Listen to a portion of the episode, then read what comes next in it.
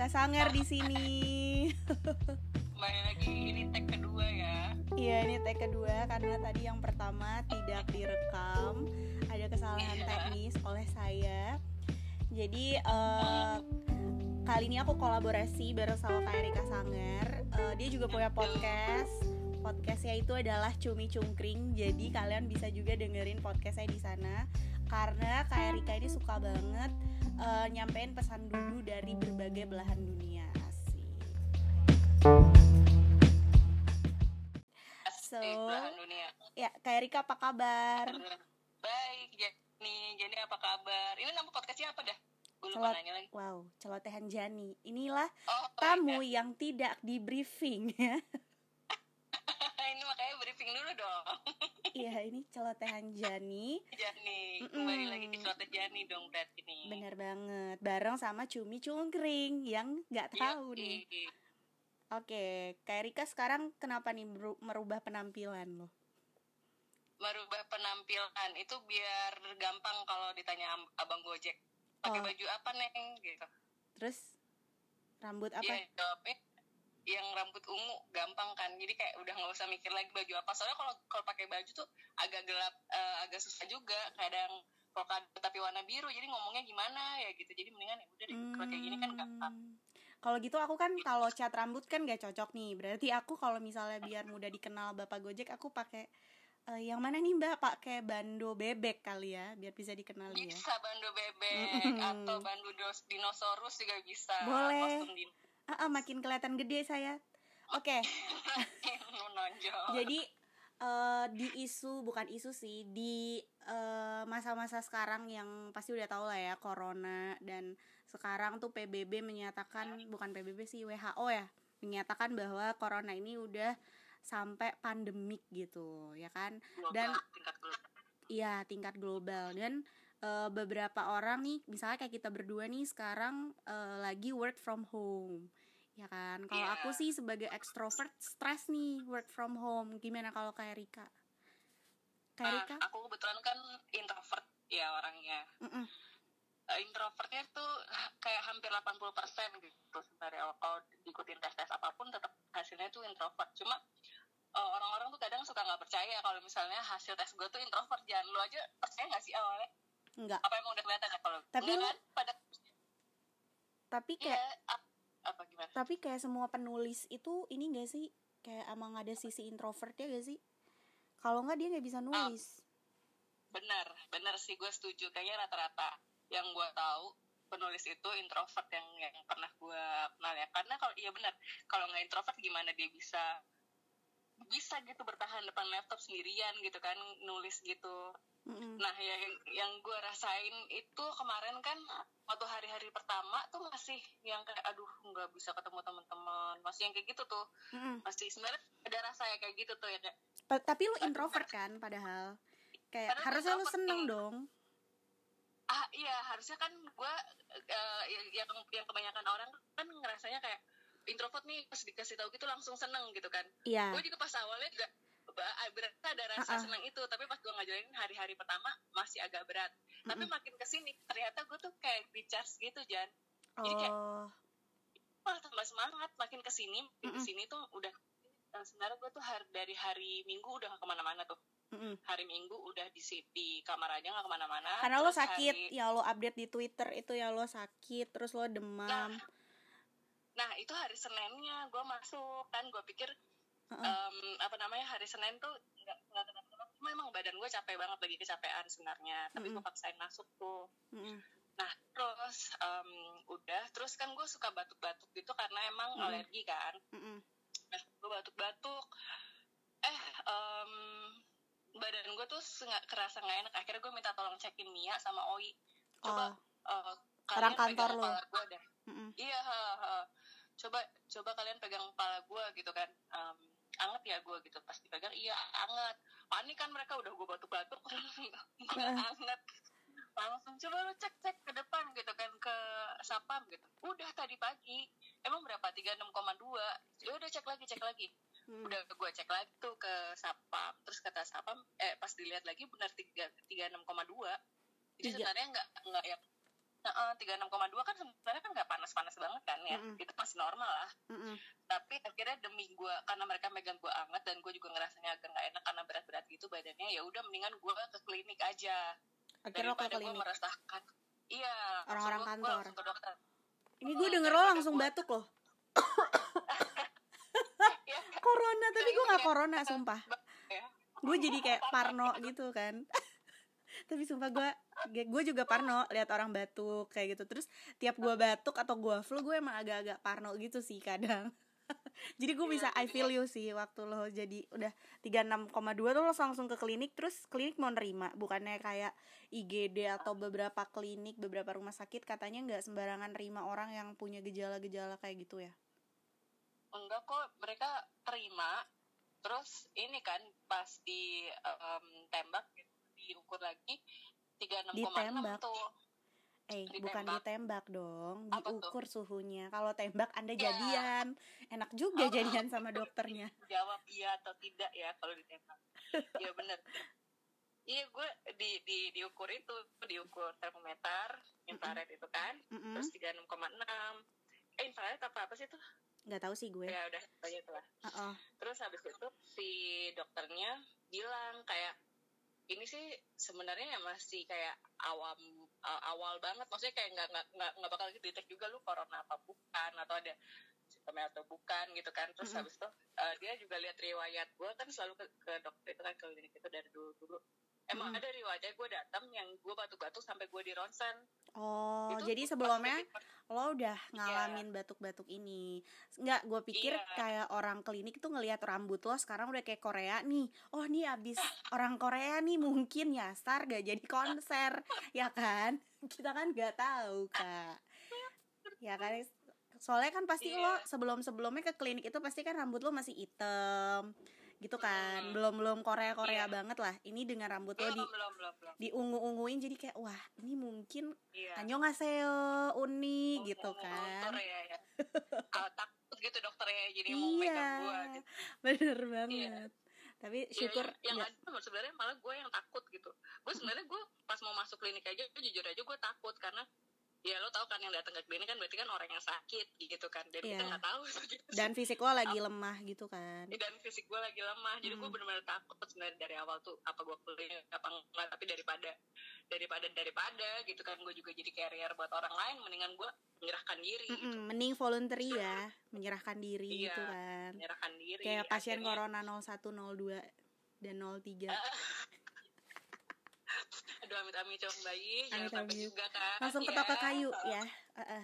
iya ya ketok-ketok ketok-ketok meja nggak ada aduh ya pokoknya gitu Mm-mm, tapi Terus puji Tuhan lo nggak Iya. kenapa-napa kan kayak Rika nggak kenapa kenapa sih udah dikasih obat Mm-mm. em, emang karena jompo aja emang riwayatnya jompo enggak juga sih. Saya masih kuat kok. Oke, nah kalau misalnya nih kan sekarang udah banyak banget ajakan-ajakan kayak social distancing kayak gitu-gitu kan. Iya.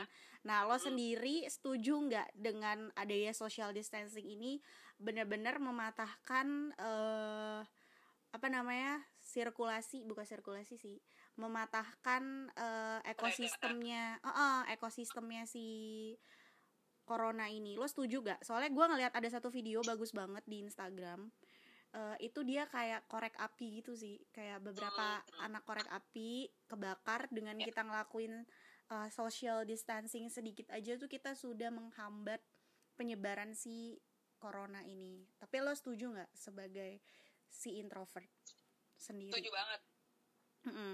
gue juga lihat video itu btw gue lihat video itu terus gue juga lihat video yang dibuat sama Edward siapa gitu yang yang ngomongin soal Mm-mm, yang ada kurva-kurva itu kan yang viral banget Iya, videonya yang ada kurva-kurva Mm-mm. itu itu gue juga share ke grup kantor. Kayak, ya emang seharusnya kita sejak sejak itu gitu loh untuk em, eh, supaya ambil alih dari dari berhentiin si virus ini menyebar lebih banyak gitu. Mm-mm. Ya salah satunya yang yang bisa gue lakukan adalah yaitu tadi karantin. benar-benar Em, jadi kemarin yang pas dari dokter itu aja terus kan dokternya eh, ngasih surat libur kan tuh buat libur kantor Mm-mm. terus Jadi lo sebelum sebelumnya belum di. WFH-in ya. Lo belum di WFH-in terus lo berobat terus lo dikasih dok Betul. surat gitu menyatakan harus istirahat. WFH iya iya sebenarnya dari kantor tuh nggak ada perintah untuk WFH Terus Belum, itu- belum. belum belum belum Mm-mm. belum ada. Nah, akhirnya dikasihlah surat itu yang mana tulisannya cuma dua hari Jan. Dua Oh, hari. Oke, yang kayak wow, corona 14 hari nih, sis. ah, kan? Bingung lah gue terus gi- gimana nih dok? Terus habis itu kan kayak akhirnya gue bilang ke dokter dok nggak bisa apa kita minta surat untuk self karantin gitu. Berapa lama? kata dia gitu kan dua minggu terus kata dia oh nggak bisa emang kantor kamu belum diliburin belum oh nggak bisa saya cuma bisa ngasih sih maksimal dua hari kecuali kalau Mm-mm. kamu ada kontak langsung sama si yang kena corona kata dia kayak teman saya nih ada nih kata dia teman saya dokter dan dia emang abis kontak sama Si suspek ini. Hmm. Oh, suspek masih Mm-mm. suspek belum. Iya masih suspek. Iya, heeh. nah terus habis itu dia kena batuk-batuk dan pilek gitu, akhirnya dia juga dites dan dia sekarang karantin juga, jadi Oh, suspek juga gitu. Heeh. Kecuali kalau misalnya lo kayak gitu, kata dokter kalau misalnya lo ada kontak langsung nih sama siapa lo sebutin misalnya yang ada corona siapa gitu, mm.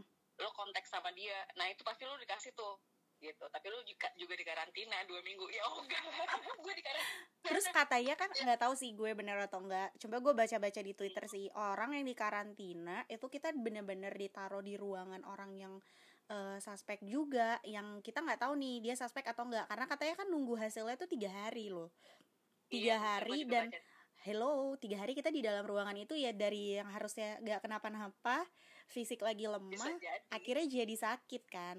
Ya iya, gitulah. bisa jadi malah tambah parah kan. Eh, eh, eh, eh, ya Iya. jadi nggak kena jadinya kena gitu nggak tahu sih gue sebenarnya faktanya kayak gimana di lapangan gitu maksudnya eh dari soalnya gue udah nonton juga nih video dari tiga tiga pasien yang eh, udah sembuh. Gue sih nggak melihat gue sih nggak mendengar bahkan gimana suasana selama mereka di karantina. Ngerti gak sih kak? Mereka tuh cuman ceritanya Iya. tuh yang kayak gue dikasih kanvas terus gue bisa ngelukis ada waktu untuk ngelukis terus gue diinfus. Gue tuh nggak ada mende- mendengarkan bahwa oh di karantina itu nggak semenyeramkan itu. Gue tetap nggak dapat gambaran kayak lo di karantina tuh ngapain ngerti gak sih? Gue tetap dapat Iya, iya. gambarannya adalah di karantina itu menyeramkan gitu. Ya kan? Gambarannya lebih jelas yang di Twitter itu ya, yang dia cerita iya itu. justru malah Yang yang di jelas Twitter ya, lebih ya suspek-suspek itu malah jadi jelas banget ceritanya. Yang dia nunggu tiga Iya. hari lah apalah gitu. Kayak wow gitu seh.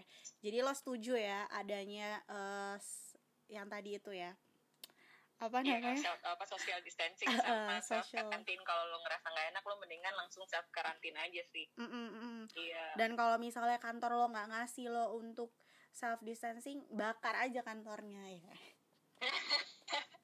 Ya maksudnya dia aja nggak care gitu kan sama keadaan karyawannya. Ya dong.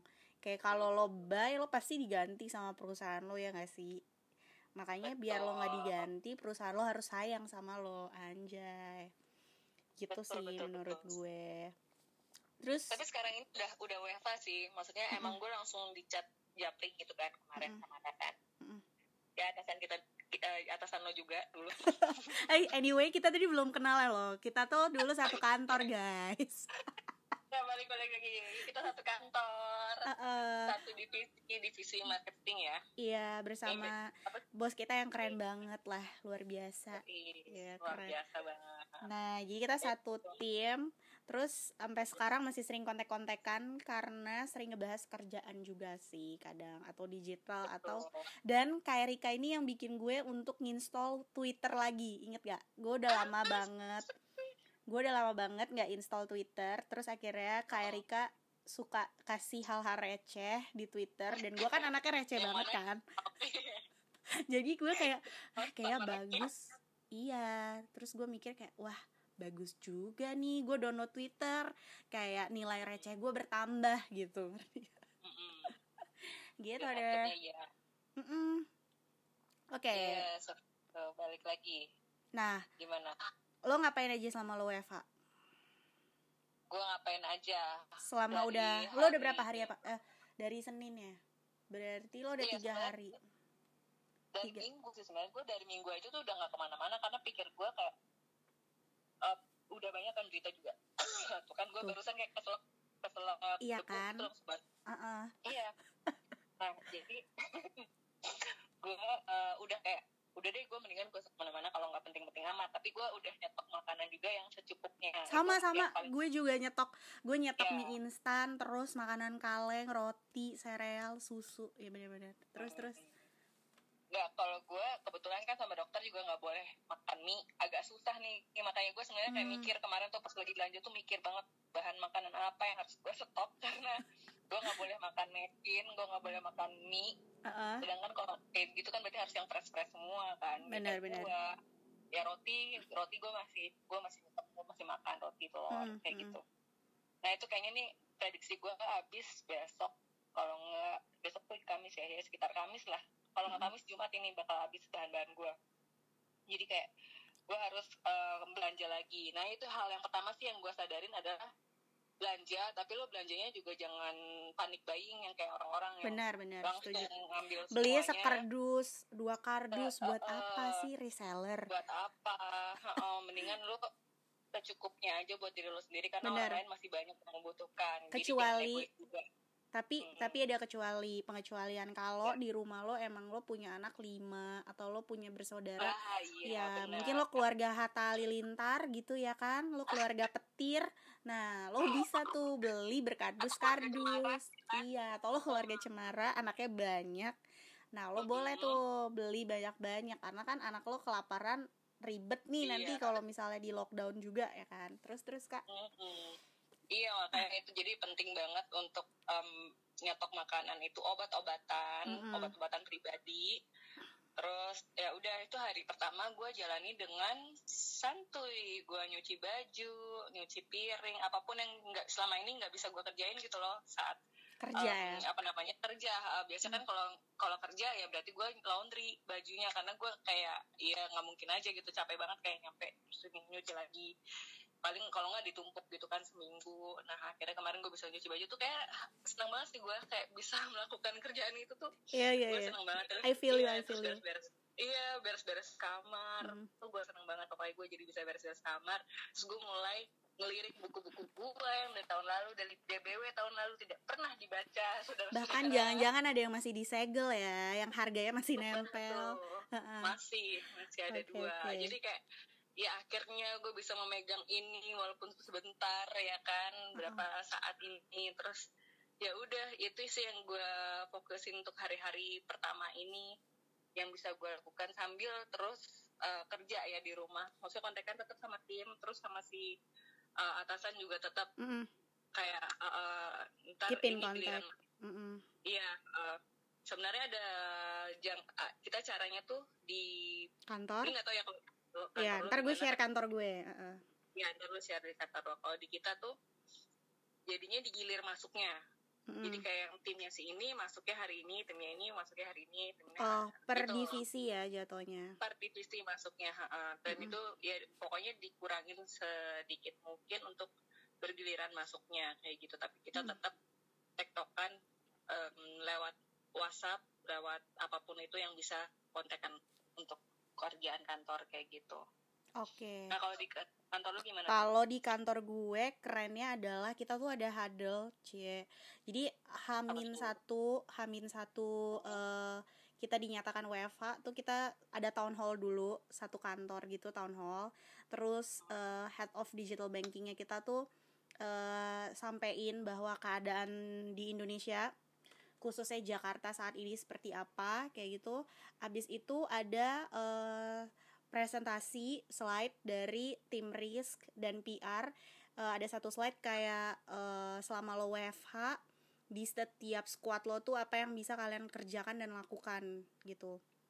Terus ada kayak eh teks-teks apa aja gitu yang bisa kalian pakai. Misalnya kayak kayak kayak kita tuh di Genius eh kayak squad aku kita pakai Zoom gitu. Jadi setiap 9.30 kita selalu huddle kayak hari ini tuh kita ngerjain apa sih kayak gitu.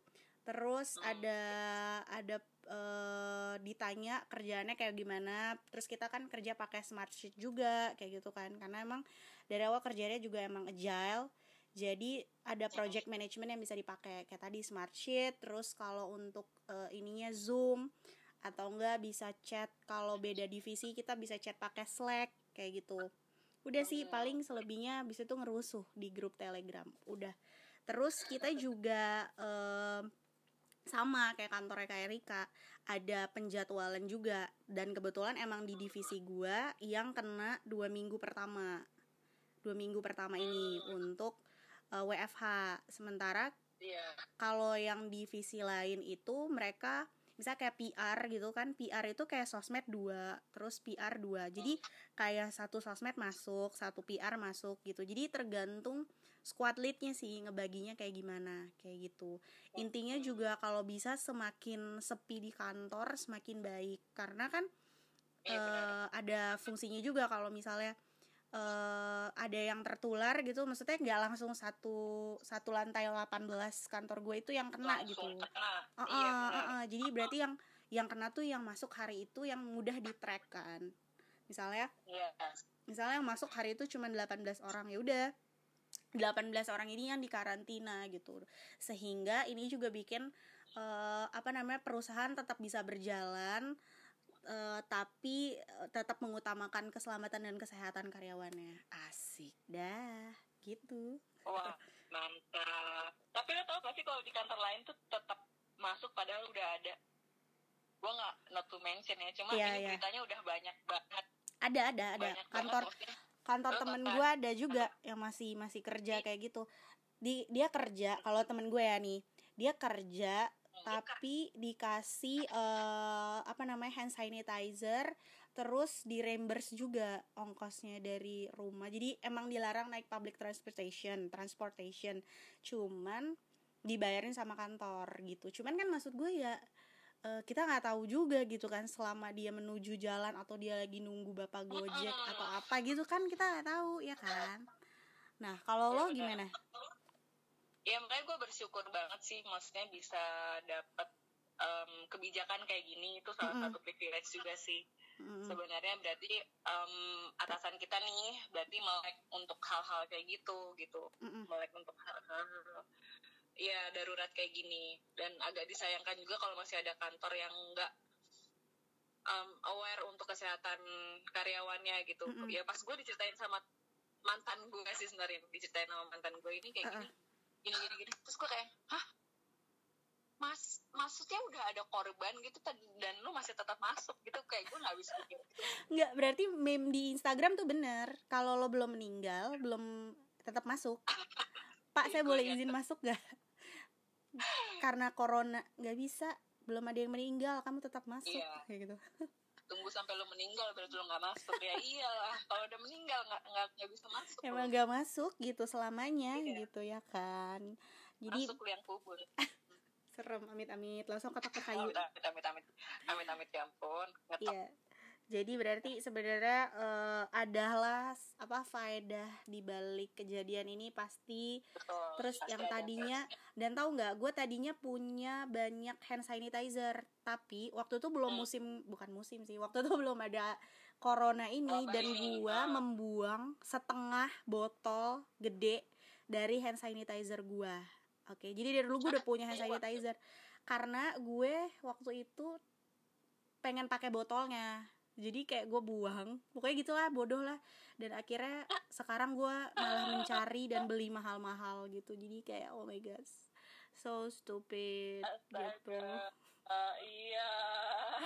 Gitu. Jadi buat kalian buat kalian uh, membuang sesuatu kalian pikir ya dampaknya ke depan itu kalian masih pakai atau enggak ya? Masih layak pakai atau enggak? Kecuali kalian membuang kenangan bersama mantan. Itu udah oh, oh. oh buang aja oke okay.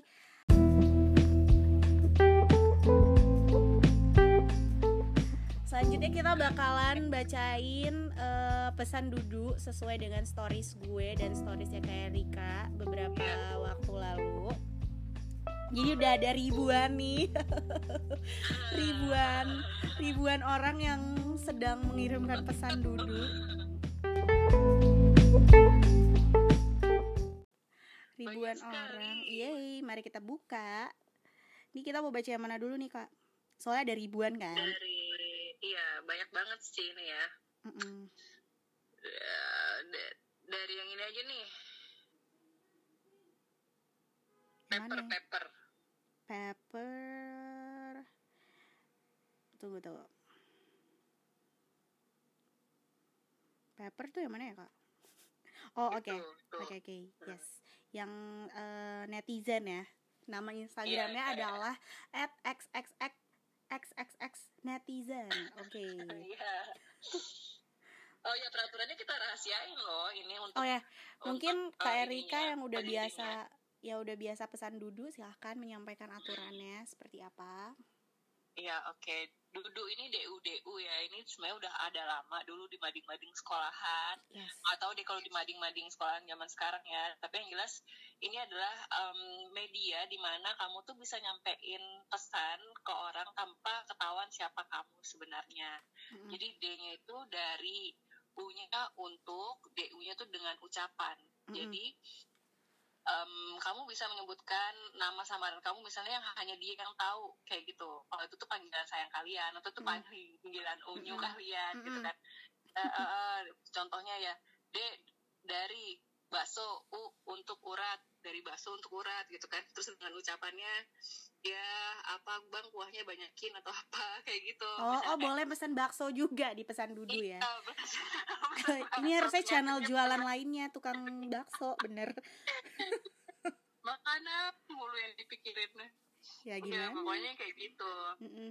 nah ini berarti eh, yang kirim pesan ini udah tahu nih cara mainnya jadi Mm-mm. mereka nggak semuanya eh, apa menyebutkan nama asli jadi kita nanti pakai kalau ada pun kalaupun ada yang pakai nama asli kita sebut dengan nama samaran Mm-mm. Terserah ya, terserah kita sih Mm-mm. pembaca. terus Oke. kita dong Mm-mm. ya, baca Ah, oke dimulai dari yang mana nih Jan Ya tadi netizen. oke oke ini gue yang bacanya Mm-mm. gue apa lu lu aja deh Ya gue yang satu lagi gue aja ya, yang di Instagram gue gue baca, gue yang baca ya. Ya Oke. Jadi ini adalah pemilik akun netizen D Pepper U untuk Koko DU isi pesannya adalah Will you love me like I love you? Asik dah. Tolong dong. Please pemilik akun netizen. Ya, siapa pun si Pepper dan si Koko ini. Will you love me like I love you ya. Tolong ini ini cerita kisah cinta bertepuk sebelah tangan, guys, ya. Oh enggak juga sih. Oh, Kalau enggak. dari point of view gue ya, Mm-mm. point of view gue ini bukan, em, ya ini eh, pengirim. Ini gue menduga-duga aja sih, tapi nggak tahu ini bener apa enggak ya. Eh, eh, Cuma- kejadian nama tempat disamarkan ya. Iya. Hanya Iya, kebetulan iya. saja. ya pokoknya dia di, eh, sebenarnya saling menyukai. Oke. Hanya yang saat, iya kayaknya sih kelihatannya nih ya, kayaknya kelihatannya yang satu tuh lebih ekspresif gitu orangnya. Hmm. yang satunya itu dia Flat. lebih uh, flat tapi kayak per- kasih perhatiannya itu lewat em, misalnya dia tuh nggak ngasih tahu kayak jangan lupa makan tapi dia, dia langsung ngirimin makanan jadi Hmm. langsung tindak gitu loh Oh, langsung tindakan. Oke. Kok bisa tahu sepanjang itu ya Iya, Anda seperti eh, sorry nih, peramal gitu ya. Bahkan dari dari namanya aja Anda tahu gitu yang mana yang sepertinya dia ekspresif, yang mana sepertinya dia perhatian kayak gitu ya.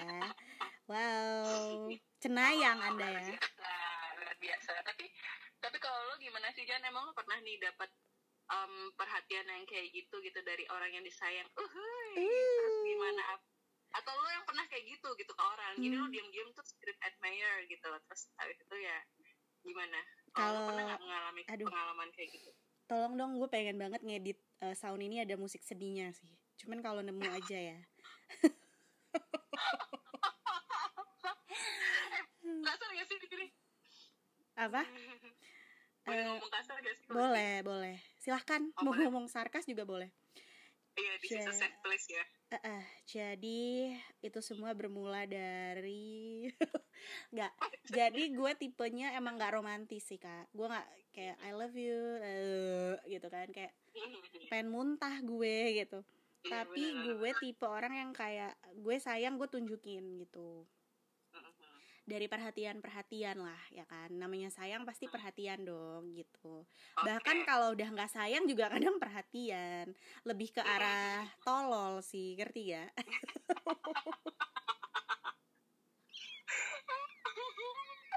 gitu. Hmm, gitu.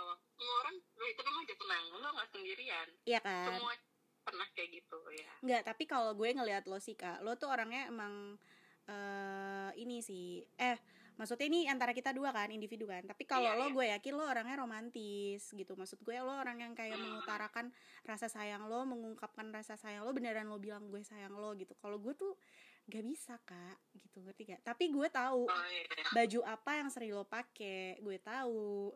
Lo sering makan siang sama siapa gue tahu. Ngerti ya sih kak? Mhm, Kayak- iya, iya, iya. cara pandang lo gue tahu gitu. Lebih ke apa ya? Stalker ya iya stalker sih itu Aquarius banget ya. Hmm, gitu ya. Oke. Eh, gitu deh Libra. Semoga Libra mengerti ya. Kalau dari aku sih aku gitu. jadi aku lebih tip.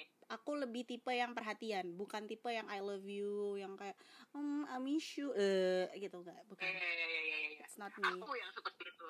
Iya mak- bucin ya lebih tepatnya. Jadi bucin. Nah jadi kita nggak tahu nih netizen nih tipe yang mana nih? Apakah tipe yang kayak gue atau tipe yang kayak kayak Rika gitu. Cuman tadi yang kayak kayak Rika udah bilang eh ya itu dia eh, tipe yang ekspresif tapi cowoknya flat cuman cowoknya ternyata perhatian. Ya kan Hmm, betul. Seperti itu sih Oke. itu baru kira-kira kira-kira. Kira-kira. Kita menebak-nebak ya netizen. Iya. siapa pun pemilik. Kira-kira. Oke next aku bacain yang eh, belakangnya ada 17 ya tuh kak. Lo yang itu enggak tuh yang not panjang? Yang mana? Yang ditulis di note karena nggak cukup. Oke itu nanti aja. Enggak dia nggak itu nanti. ngirimin screenshotnya sih. Dia cuma bilang e, gak cukup dari sini kak. Ku tulis di note kayak screenshot ya. Lol. Mungkin Wah, dia berarti Mm-mm, jadi mungkin belum dipublish ya. Jadi panjang. Oh, Jadi novel. panjang sekali iya Oke, baca yang 17 kali ya kak. Eh dari aku untuk daki ya. Ini maksudnya bukan berdaki guys. Tulisannya duck, daki ya. iya ini D U C K I E Yes. Nah, Daki Nah, eh, isi pesannya adalah indah tapi susah digapai, pahit tapi bikin bahagia. Aduh, apa sih ini hayo eh, ini kayak tebak-tebakan ya. Kok gue jatuhnya ini ngerasa lucu ya kak, bukan romantis. kenapa kenapa kenapa lo kenapa ngerasa kayak gitu kayak indah tapi susah digapai, pahit tapi bikin bahagia. Ini kayak kuis kak. gue nggak ngerti.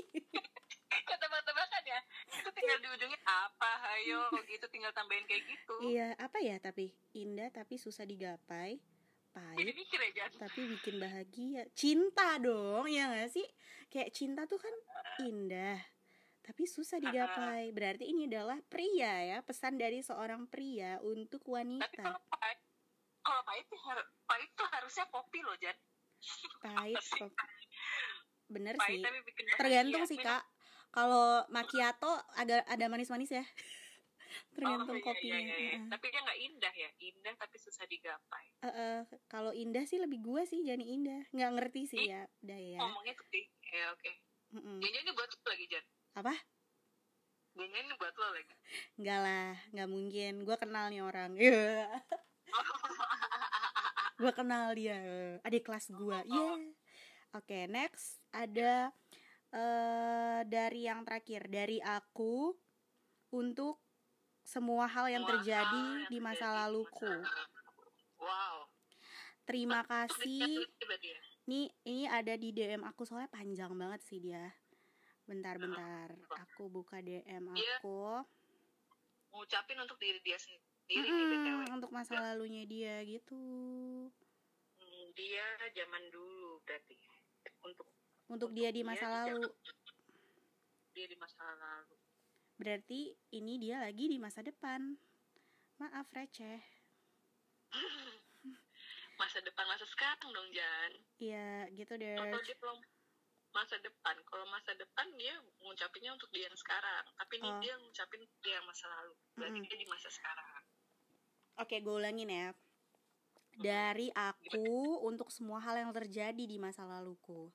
Terima kasih karena apa pun itu yang terjadi udah bikin aku jadi yang sekarang.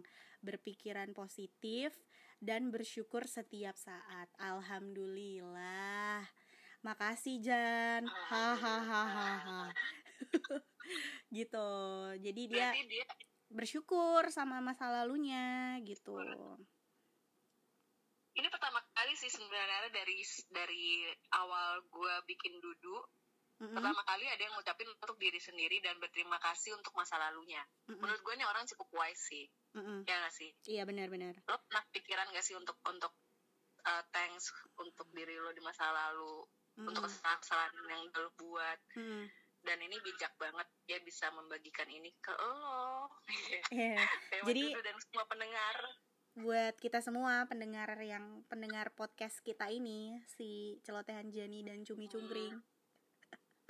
iya Iya, tapi emang memang harus ada waktu di mana kita bersyukur atas masa lalu kita sih kak. Kalau nggak, nggak ada kita yang sekarang saat ini gitu.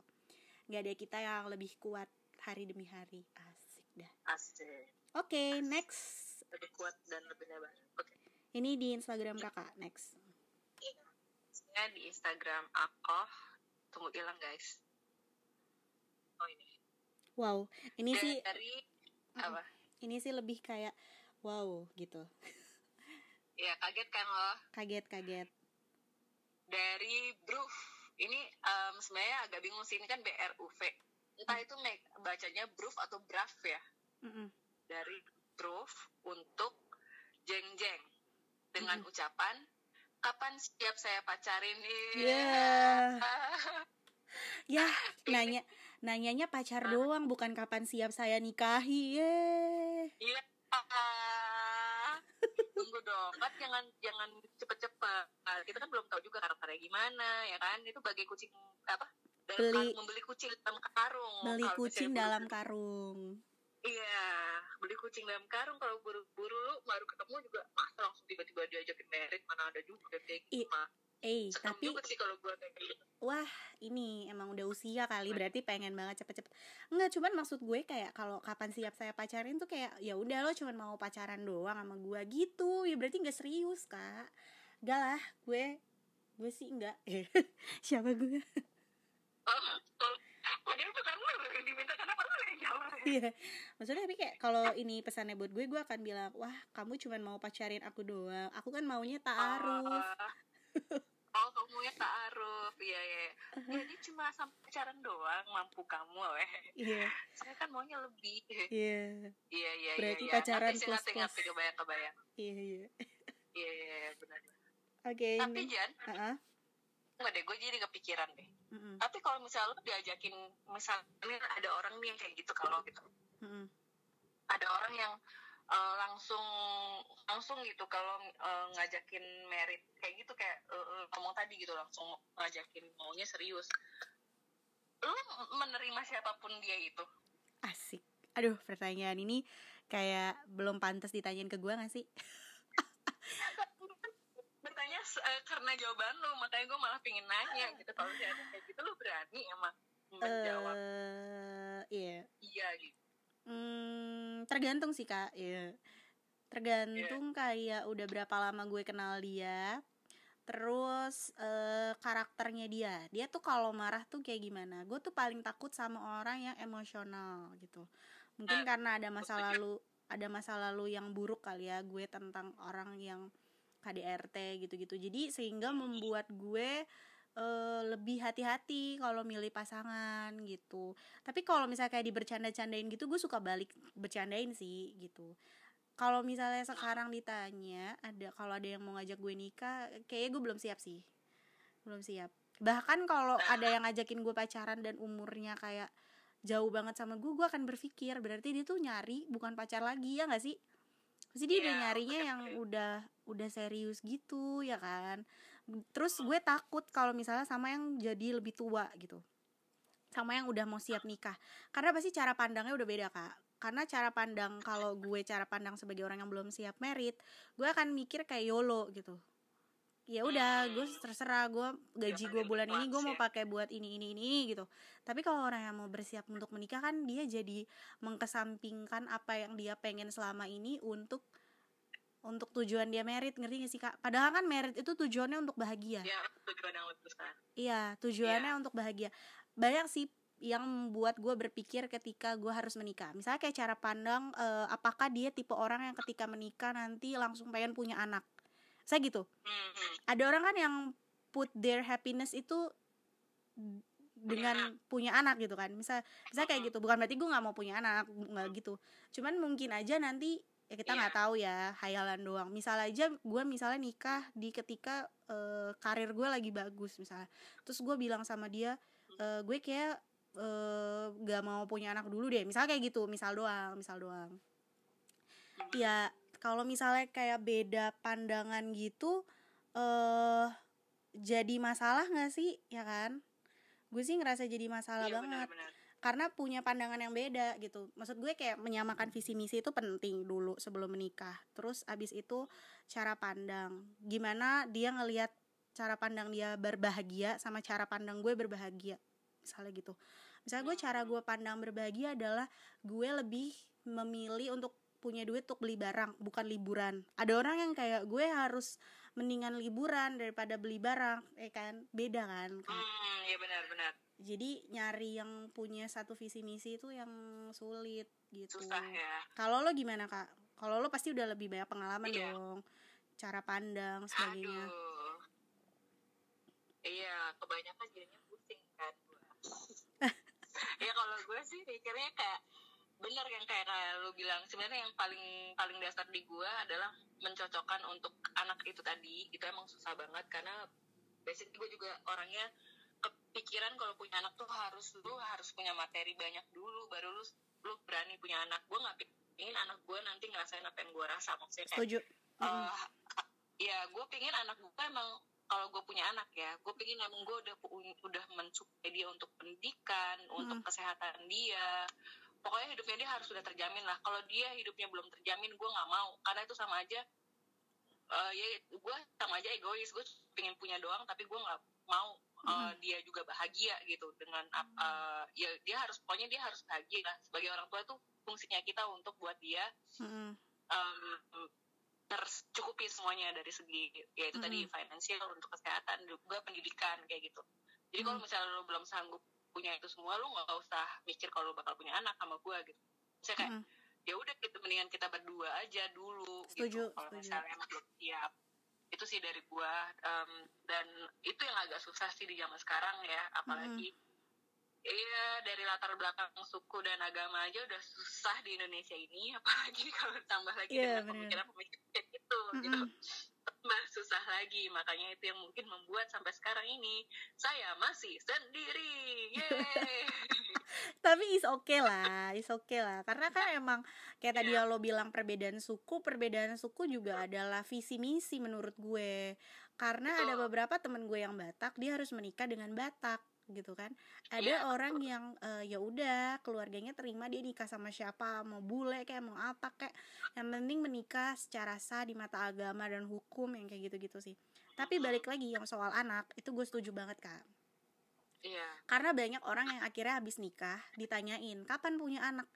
Iya maksud gue gini loh Emang lo tahu tolak ukur orang menikah bahagia itu punya anak? Bisa aja dia emang gak mau punya anak Mereka berdua emang gak mau punya anak Kenapa lo harus nanya Iya, dan nyampurin gitu? Tapi nyari keluarga yang gak ribet kayak gitu Satu Dan em, pasangan yang punya pandangan yang kayak gitu tuh susah. Kita harus nikah sama bule Betul. kak. Eh boleh mikirnya kayak gitu ya hmm kenapa gue baru kepikiran sekarang nih sama boleh Ma- kita kita malah terjebak dengan suku B Iya. apa itu Iya, suku B. Hmm, apa itu? ya itulah itu. Sebenarnya tapi nggak salah sih menurut gua kalau mereka emang mau sesama suku balik lagi mungkin um, susah emang kalau misalnya dari luar masuk ke dalam untuk menyocokkan lagi ya kan beda suku satu sesuku aja susah gimana kalau untuk beda gitu Bener. mungkin ya sudut pandangnya. Ya itu maksudnya nggak bukan sesuatu yang harusnya di um, debatkan gitu. Maksud gue itu ya ya itu nggak apa-apa sih. Ini sudah itu terjadi. terjadi.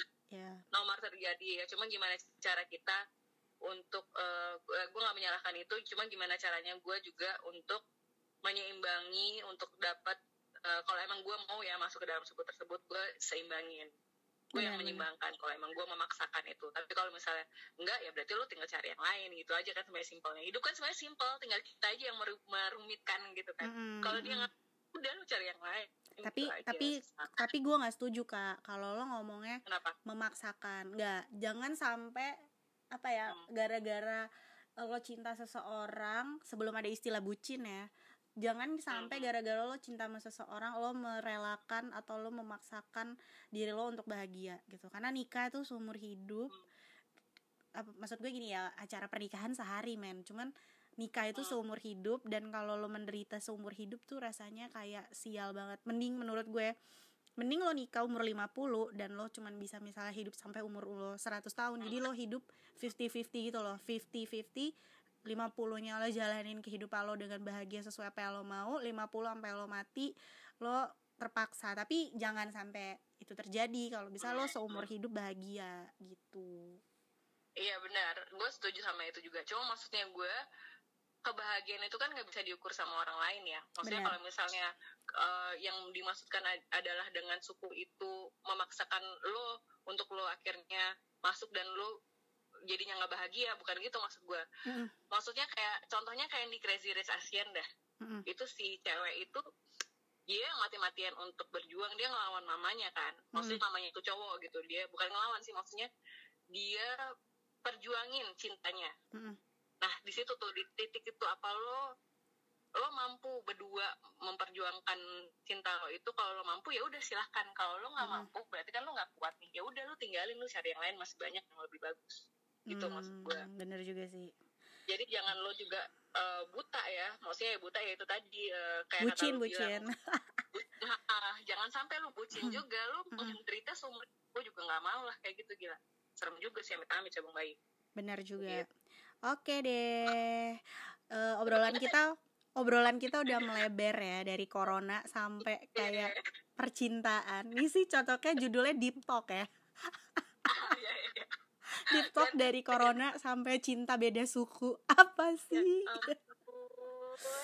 Padahal Oke. tadi itu cuma satu loh gara-gara kapan siap saya pacarin akhirnya panjang ke mana-mana Iya ya. makanya jangan nanya-nanya pacar dong Oke yang terakhir kak sebelum kita tutup podcast kita episode ini Iya. Ini dari em, salah satu teman saya. Mm-mm. Oh anda punya teman ternyata Nih, pakai nama asli. Jadi jangan disebutin dong Iya. nama aslinya. Dibercandain aja kali ya jadi handuk mungkin Iya. Iya, Handu. Hah. Dari Handu untuk kalian semua.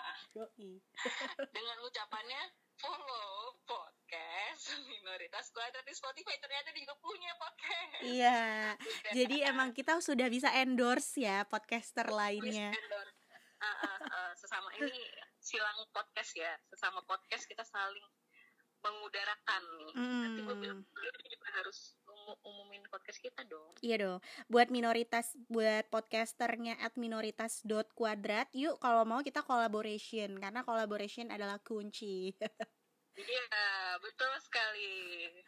Dari eh, apa itu loh gue Kan- tadi mau nyebutin. Nih orang kalau lupa di brief celotehan Jani. Ya tolong. Please. Gue minta tolong banget nih sekeluarga celotehan Jani oke? Rotehan Jani ya guys di oke. follow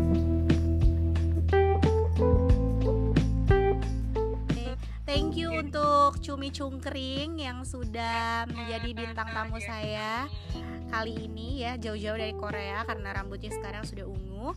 Semoga eh, di lain kesempatan kita bisa collaboration kembali, sis. Iya pastinya dong Oke, dan selamat WFH semuanya. Have a nice day. Have a nice day. Tetap produktif. Bye.